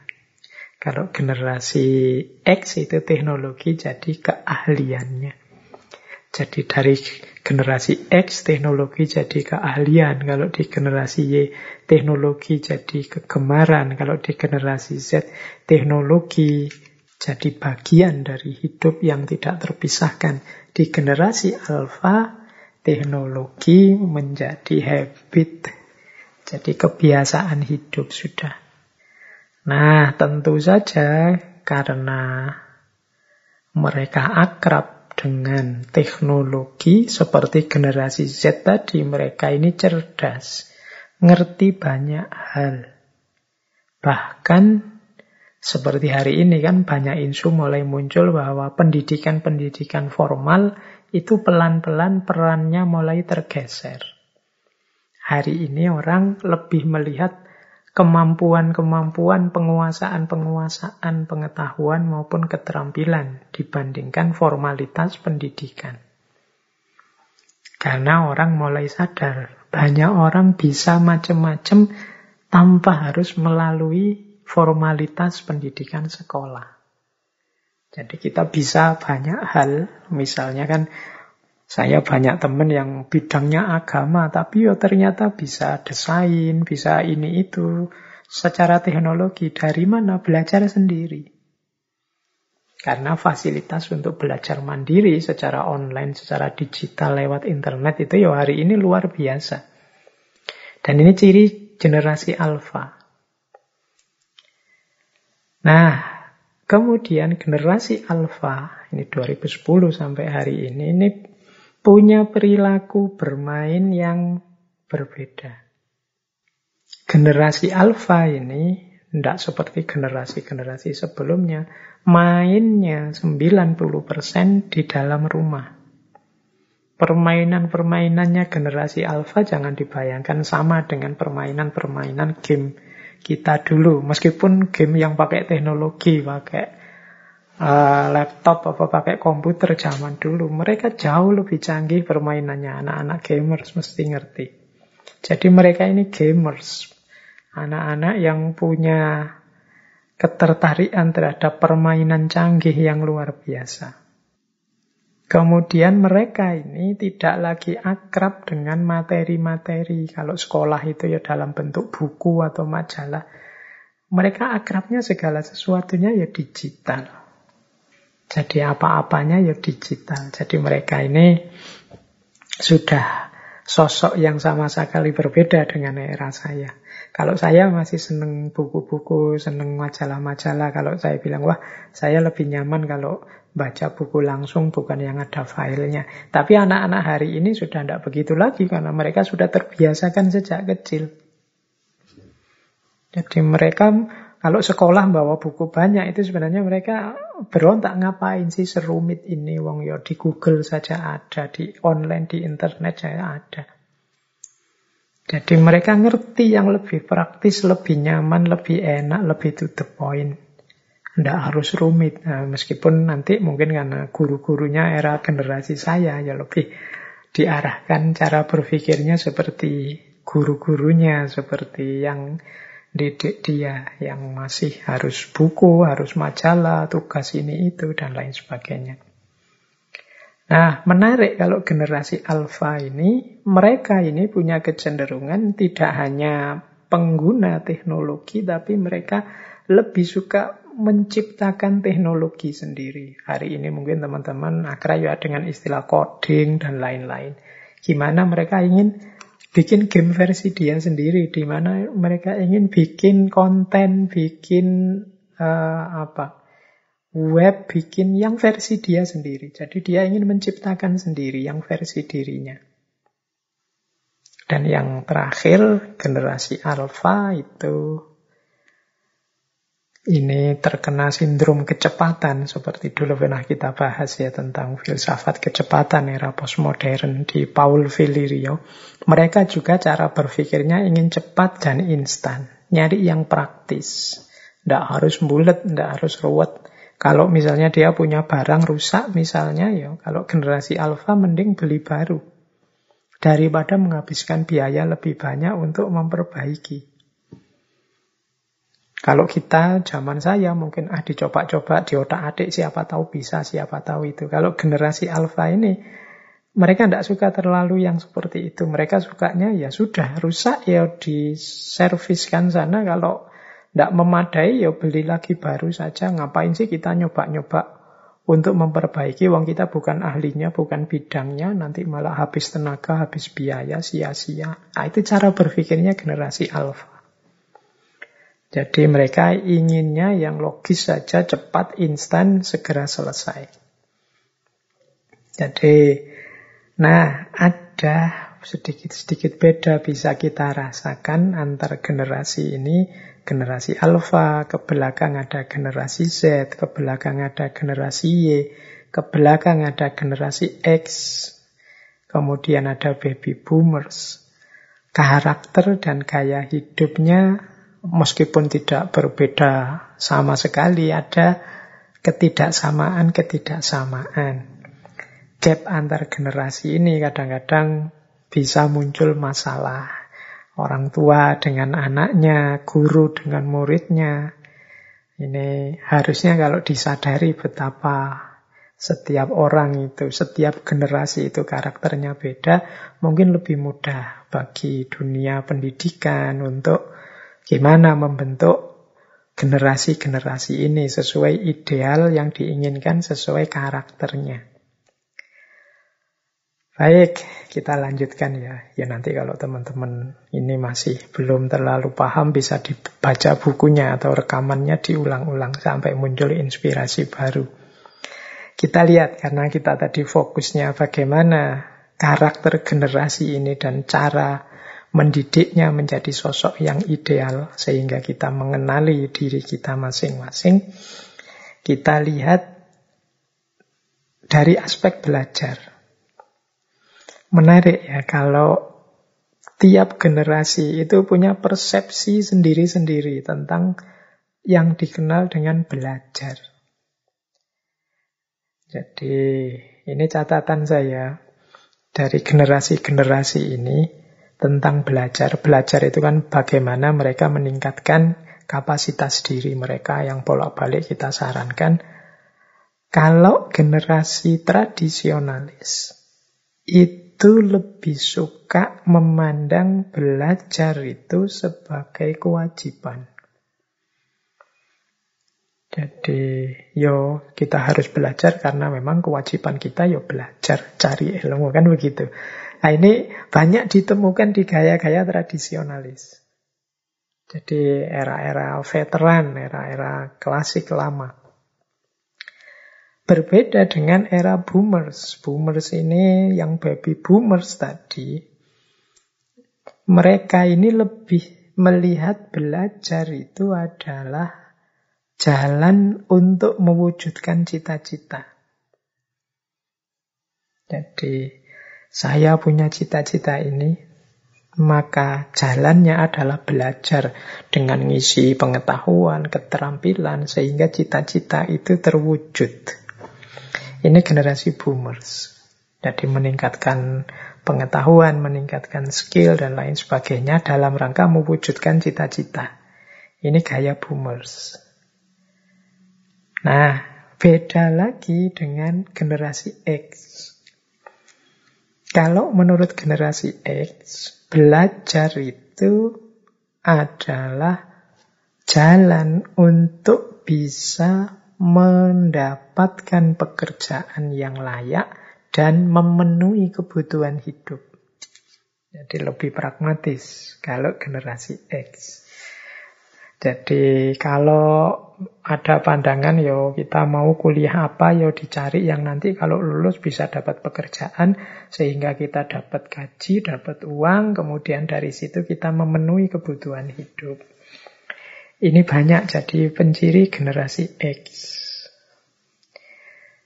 Kalau generasi Y, generasi Y ini yang agak filantropis tadi, ini banyak yang punya idealisme. Kalau X tadi pragmatis, kalau Y ini gimana belajar menjadi jalan kita untuk mengubah dunia sesuai ideal yang kita inginkan.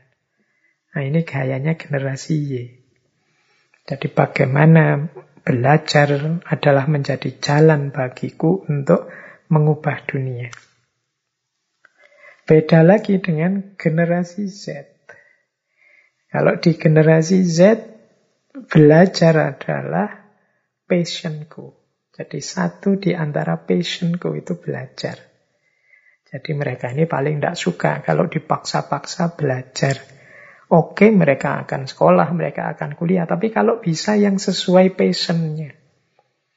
Apakah passion itu nanti bisa dapat pekerjaan atau tidak, bisa mengubah dunia atau tidak. Mereka tidak fokus ke situ. Yang penting ini memang jiwaku sesuai dengan dorongan hatiku. Ini generasi Z.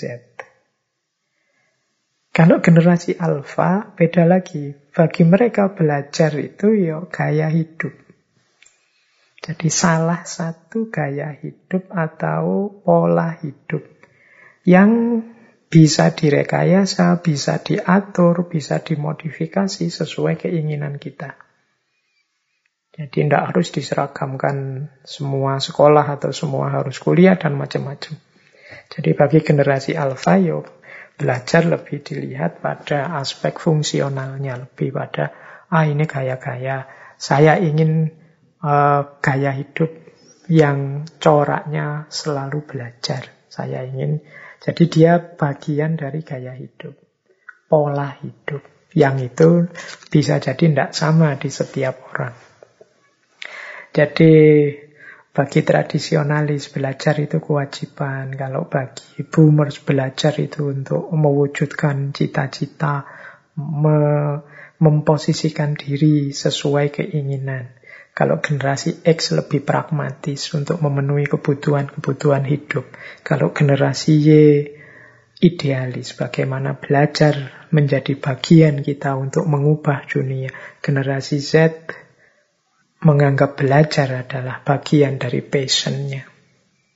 Jadi satu di antara passionnya. Kalau generasi alfa menganggap belajar itu sebagai gaya hidup. Ini tesis. Tesis itu maksudnya ya jawaban sementara.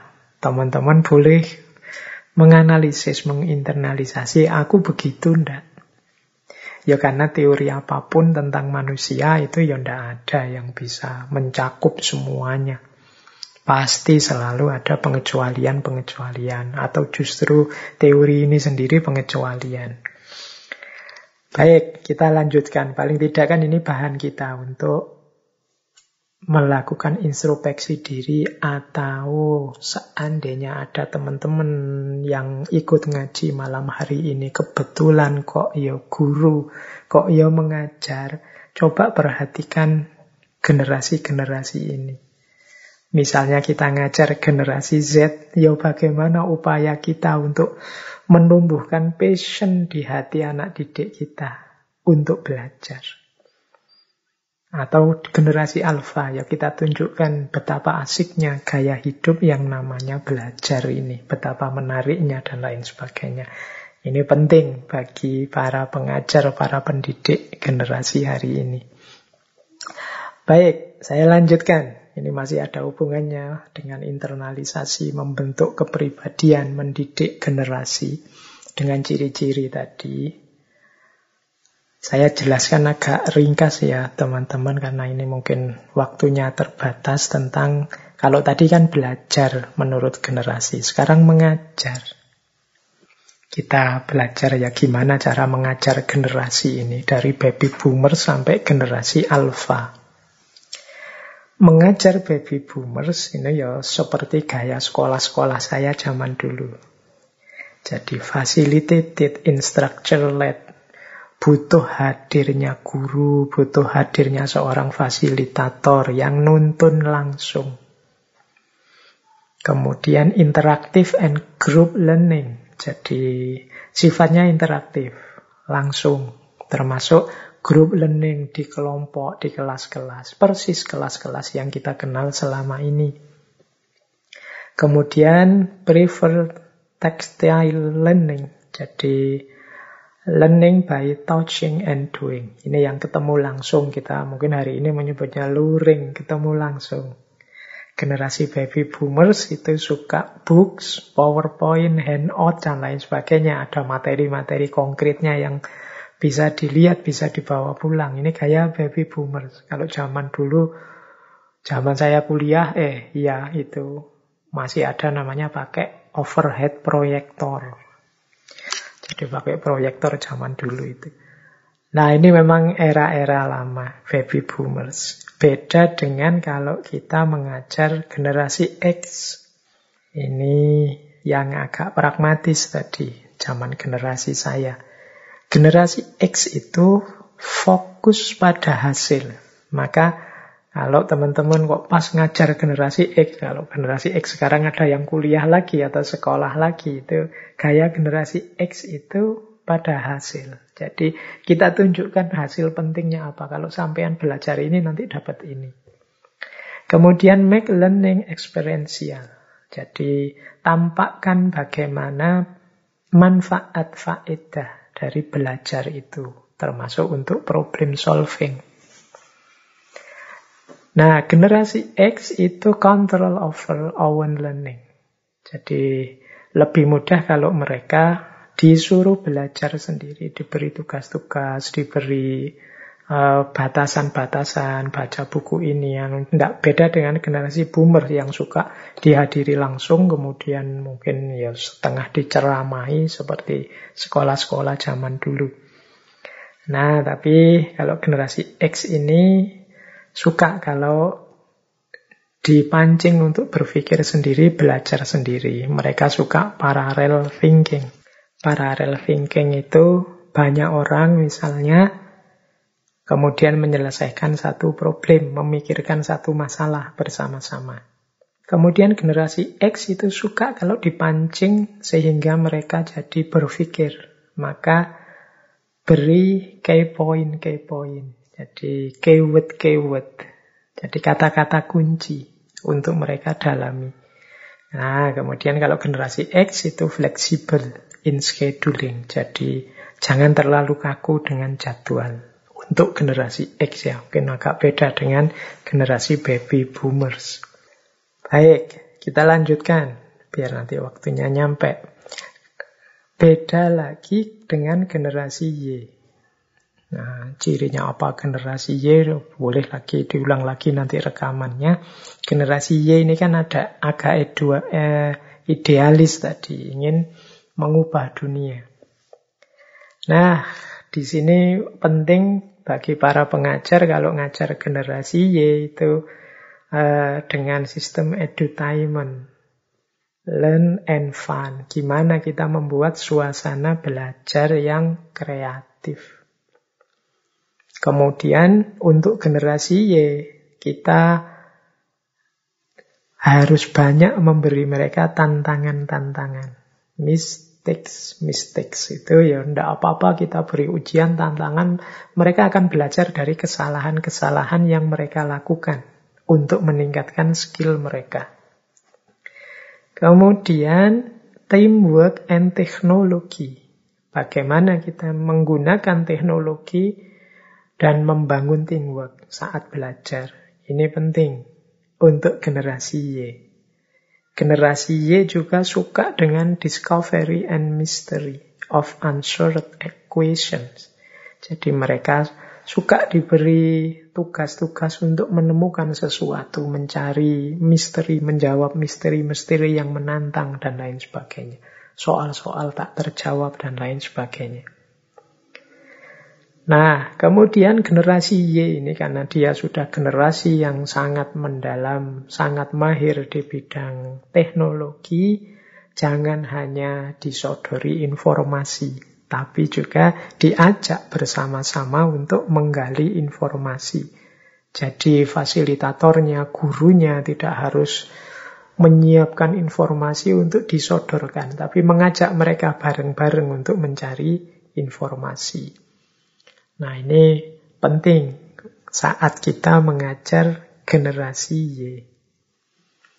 Lanjut, kalau kita ngajar generasi Z, pertama-tama harus kita ingat betapa berbedanya generasi Z ini, mereka yang sudah sejak bayi dikelilingi oleh teknologi, maka mereka ini referensinya banyak. Mereka membentuk diri mereka juga sangat beragam. Maka untuk mereka berlaku prinsip one size never fits all. Satu ukuran tidak bisa untuk semuanya. Kita harus menghargai individualitas mereka masing-masing, gaya mereka, passion mereka. Berarti apa? Kita kalau ngajar harus bikin aturan main yang fleksibel. Karena mungkin ada satu dua misalnya anak yang kita ajar dari generasi Z ini punya gaya berbeda, passion berbeda, kecenderungan berbeda yang dia tidak merasa nyaman kalau pakai gaya kita. Kemudian ya tentu saja kita bisa mengawal mereka sejak mencari referensi atau rujukan sama seperti generasi Y tadi. Kita kawal mereka, tidak hanya kita beri informasi. Nah, mereka ini semangat untuk belajar hal-hal baru meskipun banyak yang menganggap pendidikan formal itu tidak terlalu penting. Maka mari menciptakan suasana yang tidak terlalu kaku, terlalu resmi, terlalu formal saat mendidik mereka. Nah, ini untuk generasi Z. Terus mereka ini ingin tadi ya idealismenya untuk mengubah dunia. Bagaimana mereka bisa menciptakan dunia yang berbeda. Maka kita tunjukkan bagaimana mereka bisa berkontribusi untuk dunia. Tunjukkan ini penting untuk dunia kita, itu bisa mengubah dunia kita, dan lain sebagainya. Kemudian hindari aktivitas yang monoton. Mereka ini mudah bosen karena mereka tahu banyak hal yang asik dari teknologinya. Sehingga kalau kita monoton saja, untuk jangka panjang gitu-gitu saja ya mereka akan bosen. Biarkan mereka jadi co-creators. Mereka jadi pencipta dari pengalaman mereka sendiri. Jadi buat peluang-peluang biar mereka mengalami hal-hal yang mereka bisa belajar dari sana. Dan tentu saja jangan sampai ngajar mereka itu hanya ceramah. Mereka ini generasi yang sudah akrab dengan teknologi, maka penting gambar, audio, dan lain sebagainya saat ngajar mereka. Nah, generasi alfa, ini generasi yang paling muda, tentu saja ngajar mereka itu mau tidak mau harus dengan teknologi yang canggih yang membuat mereka menarik dengan visualisasi menarik. Dan mari kita berinovasi saat ngajar mereka yang membuat mereka ingin tahu. Sehingga mereka terus penasaran dan ingin mengejar informasi sendiri. Kemudian mungkin gurunya bisa merancang satu rencana belajar yang menarik mereka. Mungkin tema ini, tema itu dijelaskan sisi menariknya di mana sehingga mereka tertarik untuk belajar sendiri, menggali sendiri dari peta kajian yang sudah kita dapat. Nah, penting untuk generasi alfa ini karena mereka hidupnya sudah sangat asik dengan teknologinya maka mengajar generasi alfa penting juga kita sisipkan social skill. Jadi bagaimana mereka mampu menghidupkan passion hubungan sosial karena mereka ini cenderung individual aktivitasnya di rumah saja main dengan gadgetnya. Jadi mari kita latih mereka untuk berempati, memahami perasaan orang lain, membina hubungan dengan orang lain, dan lain sebagainya.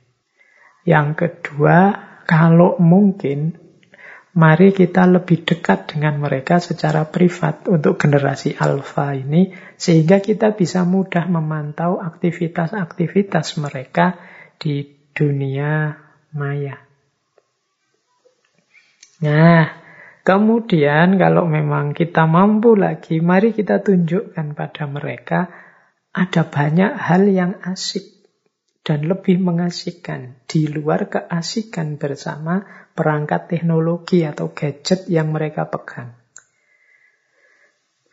Mungkin mereka diajak apalah yang biar membuat mereka tahu bahwa yang asik itu tidak hanya HP, yang asik itu tidak hanya smartphone, tidak hanya medsos, tidak hanya TikTok, dan lain sebagainya.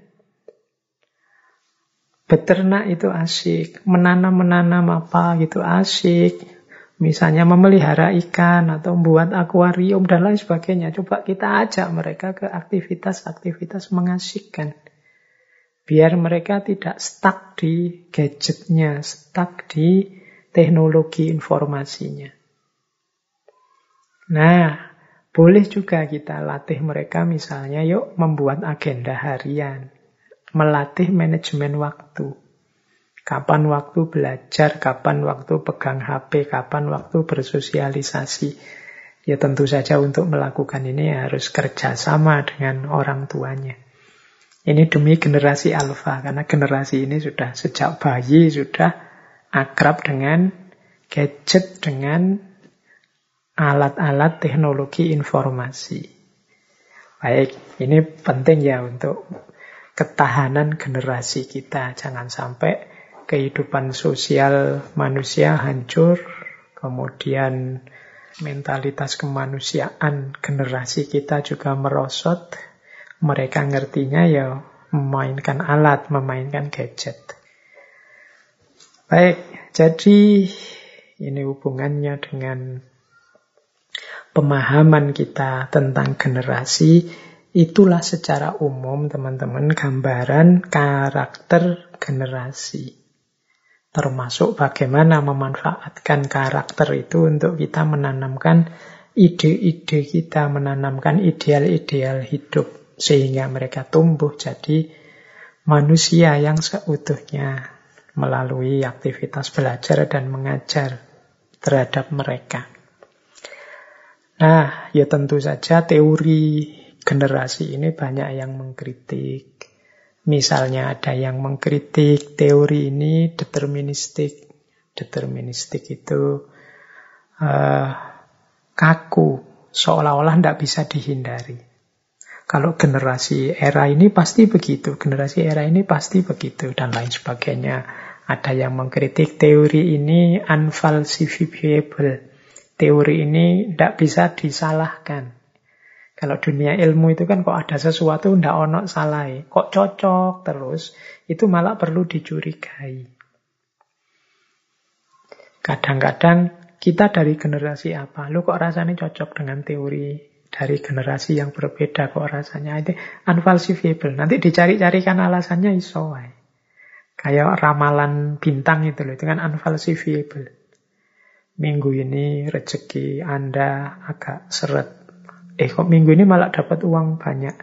Oh, uang banyak itu tidak menandakan rezeki yang lancar. Uang banyak itu bisa jadi masalah baru. Jadi hakikatnya dapat masalah baru. Ya itu kan bikin-bikin terus. Tidak iso disalahkan sama sekali. Ini un unfalsifiable. Nah, ada yang mengkritik teori ini jenis itu. Atau ada yang mengkritik unsupported by rigorous evidence. Jadi tidak ada bukti kuat yang mendukungnya. Ini hanya opini-opini saja. Ada yang mengkritik ini pseudosain, bukan ilmiah. Ya hanya mirip-mirip saja dengan ilmu padahal tidak. Oke, ya banyak kritik-kritik terhadap teori generasi ini. Tapi seperti yang saya bilang tadi di awal, bahwa di antara yang mempengaruhi kita itu zaman kita, peradaban kita hari ini. Nah, karakter generasi. Paling tidak kita paham secara umum. Oh, masing-masing generasi ini ada karakternya, ada polanya. Baik. Nah, masih ada waktu ya. Saya ingin nutup sesi bulan ini. Karena sesi bulan ini kan sebenarnya pertanyaan tentang who am I? Who am I itu siapa saya yang kita gali sejak pengenalan diri, self love, uh, identitas, self identity, kemudian mimpi, kerja dan malam hari ini kita membahas tentang generasi. Secara umum akhirnya bisa kita simpulkan yang pertama bahwa diri kita ini konstitusi diri kita ini ada yang sifatnya watak. Kalau bahasa Jawanya, dia yang memang sudah tertanam jadi karakter kita, yang sifatnya menetap, ada juga yang sifatnya aspek-aspek yang sifatnya bisa berubah.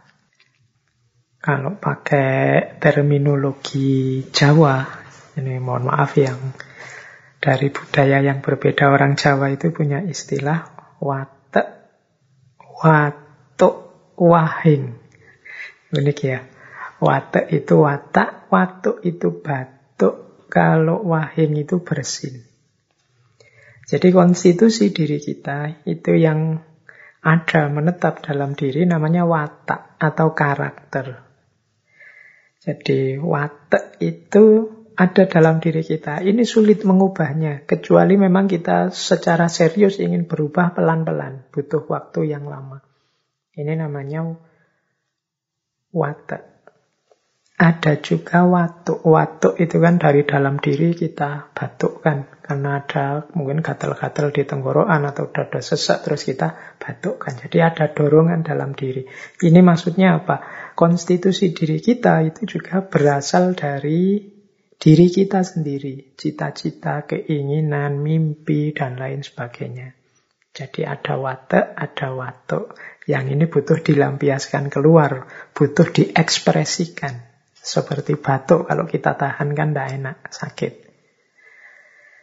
Nah yang ketiga, wahing. Wahing itu bersin. Kita bersin itu ketika ada debu atau barang-barang dari luar masuk dalam diri kita lewat hidung. Yang itu ketika hidung merasa tidak nyaman, terus dia dimuntahkan keluar dalam bentuk bersin atau wahing. Jadi konstitusi diri kita itu antara lain juga ada pengaruh-pengaruh dari luar yang masuk ke dalam diri kita. Yang cocok sih tidak masalah, nyaman saja. Yang tidak cocok kita buang keluar. Itulah yang disebut bersin tadi. Wahing. Jadi watek, watuk, dan wahing. Ini konstitusi diri kita. Nah, jadi yang pertama itu strukturnya. Kemudian yang kedua, dari pengenalan macam-macam yang kita bahas bulan ini, ada beberapa tahapan yang penting kita lakukan sebagai pribadi agar kita menjelma jadi pribadi yang ideal. Jadi untuk jadi pribadi ideal dengan mempertimbangkan segala sesuatu termasuk watak generasi yang malam hari ini kita ulas. Yang pertama, perlu bagi kita dasar dari segalanya adalah pengenalan diri. Jadi kita pahami diri kita. Siapa sih aku ini? Mimpi-mimpiku apa? Kemudian apa yang harus aku lakukan, tanggung jawabku apa, dan lain sebagainya. Ini aspek pengenalan diri. Termasuk aku ini dari generasi yang mana, kecenderungan umumku apa sebagai generasi hari ini. Ini namanya memahami diri. Oh pantas aku kok sulit sekali lepas dari gadget, dari smartphoneku. Ternyata aku ini masuk generasi Z atau generasi Alpha yang memang sejak lahir sudah akrab dengan gadget, akrab dengan smartphone misalnya. Nah, ini namanya mengenali diri.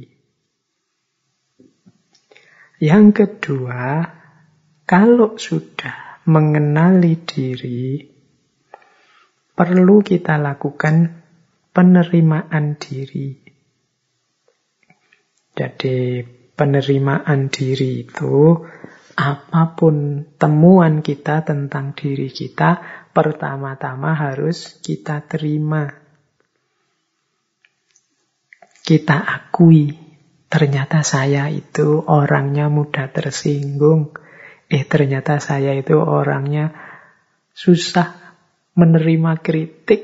Eh, ternyata saya itu punya mimpi untuk jadi konglomerat, dan lain sebagainya. Nah, ini namanya penerimaan diri. Baik secara real maupun ideal. Real itu kenyataan kita apa adanya, ideal itu mimpi-mimpi kita. Jadi setelah mengenali diri, memahami diri, kita terima diri. Kan ada banyak situasi real kita yang ya sulit kita menghindar. Mau tidak mau ya harus diakui kita ini masuk baby boomers. Mau tidak mau harus diakui saya ini masuk generasi X dengan segala ciri dan pengaruh zaman pada diri kita. Nah, kalau sudah menerima tahap ketiga ya pengungkapan diri. Pengungkapan diri itu ya kita tunjukkan diri kita apa adanya. Jadi inilah saya. Ini yang saya inginkan. Inilah mimpiku. Ini kalau di uh, ilmu tentang jiwa ini ya namanya self assertion. Jadi mengungkapkan diri itu menegaskan apa yang aku inginkan dan apa yang tidak aku inginkan. Ini yang aku seneng dan apa yang aku tidak seneng. Itu yang aku cocok dan apa yang aku tidak cocok. Ini namanya pengungkapan diri. Kita harus punya keberanian menunjukkan diri kita. Kalau sudah berani mengungkapkan diri, ada tahap selanjutnya yaitu penyesuaian diri. Kita ini hidup tidak sendirian, kita berhadapan dengan lingkungan sekeliling kita, baik lingkungan benda-benda, barang-barang, makhluk sekeliling kita maupun lingkungan sosial sesama manusia. Pinter-pinter kita menyesuaikan diri, bagaimana kita mengelola dan memposisikan diri kita di lingkungan kita secara tepat. Jadi pengungkapan diri yang tadi jadi tahap sebelumnya itu dekat dengan penyesuaian diri. Kita itu mengungkapkan diri kita sambil menyesuaikan diri kita dengan lingkungan sekeliling kita. Saya sebenarnya tidak setuju dengan itu. Akan saya sampaikan bahwa saya tidak setuju, tapi saya menyampaikannya tidak sekarang. Karena sekarang lingkungannya, situasinya masih belum memungkinkan. Mungkin sedang ada musibah, sedang ada bencana. Kalau disampaikan sekarang orang bisa salah paham dan lain sebagainya. Jadi yang keempat ini penyesuaian diri satu rangkaian dengan pengungkapan diri. Jadi kita kenali diri kita, kemudian kita terima diri kita apa adanya, kemudian kita ungkapkan diri kita sambil menyesuaikan diri secara bijaksana dengan ruang dan waktu yang ada di sekeliling kita. Terakhir, pribadi ideal itu selain melakukan itu semua, harus juga mampu mengembangkan diri mengembangkan diri ini muncul dari kesadaran bahwa aku ini tidak sempurna. Ada banyak kekurangan-kekuranganku, ada banyak kelemahan-kelemahanku. Maka gaya hidup paling ideal itu gaya hidup yang mengembangkan diri. Tambah lama kita tambah baik, Tambah lama, tambah meningkat kualitas kita. Tambah lama, tambah meningkat keterampilan kita. Ini namanya pengembangan diri. Jadi kita tambah meningkat, tambah meningkat kualitas diri kita. Inilah sosok pribadi yang ideal. Jadi bahan untuk melakukan ini semua, untuk melakukan pengenalan diri, penerimaan diri, pengungkapan penyesuaian diri, dan juga pengembangan diri, ya antara lain materi-materi yang sudah kita gali bulan ini. Tentang identitas, tentang kerja, tentang mimpi, termasuk tentang pengaruh dari sekeliling sampai pengaruh paling global yang kita kenal sebagai aspek generasi. Dari situlah nanti kita akan menjelma jadi sosok pribadi yang ideal. Nah, terakhir untuk menutup sesi bulan ini adalah penting juga kalau tadi kan tahapan-tahapan untuk membentuk diri yang ideal, sekarang kita lihat indikatornya. Indikator diri yang ideal. Jadi kapan atau apa buktinya bahwa sebenarnya kita ini sudah melakukan sesuatu yang seharusnya tentang diri kita dan terhadap diri kita. Yang pertama, sosok pribadi yang sudah ideal itu indikatornya adalah gembira. Gembira itu satu parameter, satu ukuran hidup orang yang selalu bersyukur. Orang itu bersyukur karena dia puas dan menerima kondisinya apa adanya. Jadi indikatornya, indikator itu kan ukurannya, Pak saya itu sudah cocok enggak sih Pak kepribadianku, aku sudah sesuai atau tidak sih Pak hidupku ini? Yang pertama ukurannya adalah kegembiraan. Kalian ini menjalani hidup dengan gembira, penuh rasa syukur, atau dengan kekecewaan, dengan ketidakpuasan, atau rasa penyesalan dan kekhawatiran yang berkepanjangan atau tidak. Nah, ukurannya itu. Pak, kalau saya sih sumpek terus Pak hidup saya misalnya, susah terus Pak, saya gelisah terus. Berarti belum gembira. Ada banyak yang tidak kita puasi dalam hidup ini. Mungkin masa lalu yang kita sesali, masa depan yang kita khawatirkan, atau masa kini yang kita merasa tidak berdaya di hadapannya. Lah, kalau agama memberi tipsnya, ya yuk latihan bersyukur. Bersyukur itu berarti kita mampu hidup secara gembira. Kelihatan beda nanti orang yang mampu bersyukur dengan tidak. Aura orang yang senantiasa gembira dengan orang yang selalu mengeluh dan tidak puas akan berbeda. Yang kedua adalah hiduplah dengan gayamu sendiri. Jadi ini indikator bahwa kita ini sudah lega, puas dengan hidup kita. Citra diri yang positif adalah kita hidup dengan gaya kita sendiri. Bukan karena terpaksa diatur orang lain, bukan karena uh, apalagi terseret oleh teman dan lain sebagainya. Tidak, saya yang milih-milih sendiri, saya sukanya memang ini. Lah kok kamu sukanya hari ini kok drama-drama Korea? Ya enggak, saya memang suka. Gaya saya ya memang itu. Yang drama-drama Korea itu. Enggak mentang-mentang ada yang mengkritik penggemar Korea terus saya pura-pura enggak suka Korea misalnya enggak. Ya gayaku memang suka Korea itu. Atau sebenarnya saya enggak suka Korea tapi yang lain kan suka Korea. Makanya saya gayanya kayak suka Korea. Nah, itu berarti bukan gaya kita sendiri. Ayo kita hidup sesuai dengan dorongan hati kita sendiri. Ini nanti akan jadi sumber kebahagiaan juga. Ini sama dengan kita menampilkan versi diri kita apa adanya. Tadi kan ada aspek penerimaan diri. Terus ukuran yang ketiga selain gembira dan hidup dengan gaya kita sendiri adalah kita siap untuk disukai atau tidak disukai.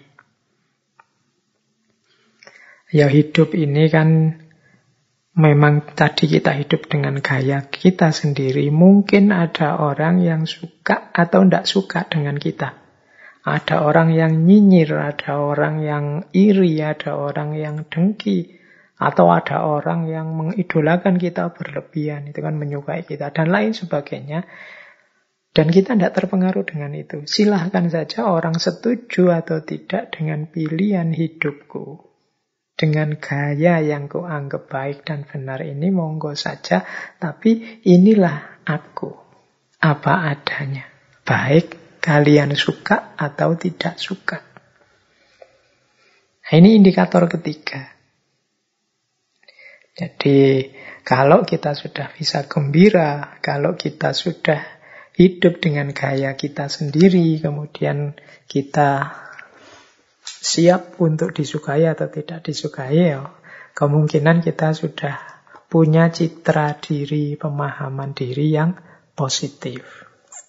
Kan banyak orang hari ini yang tidak siap kalau tidak disukai.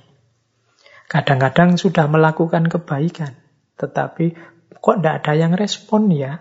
Kok tidak ada yang jempol, nggak ada yang lain? viewernya kok sangat sedikit, subscribernya sedikit misalnya. Terus kita tidak siap, oh, sudahlah kalau gitu aku tidak begitu lagi. Itu berarti tidak siap untuk disukai. Jadi tujuan dari kebaikan-kebaikan tadi hanya komentarnya orang. ACC persetujuannya orang. Nah ini menunjukkan kita belum positif kalau memang hanya begitu. Nah yang keempat adalah kita mampu mengelola diri kita secara mandiri. Mengelola diri secara mandiri itu maksudnya ya kita ini emosi-emosi kita bisa kita kelola sendiri. Jadi kita bisa memanage diri kita sendiri tanpa bantuan orang lain. Misalnya kita marah ini, wah saya marah ini, saya tahu saya marah, Gimana caranya meredakan marah dan kita bisa melakukan meredakan marah itu oleh kita sendiri.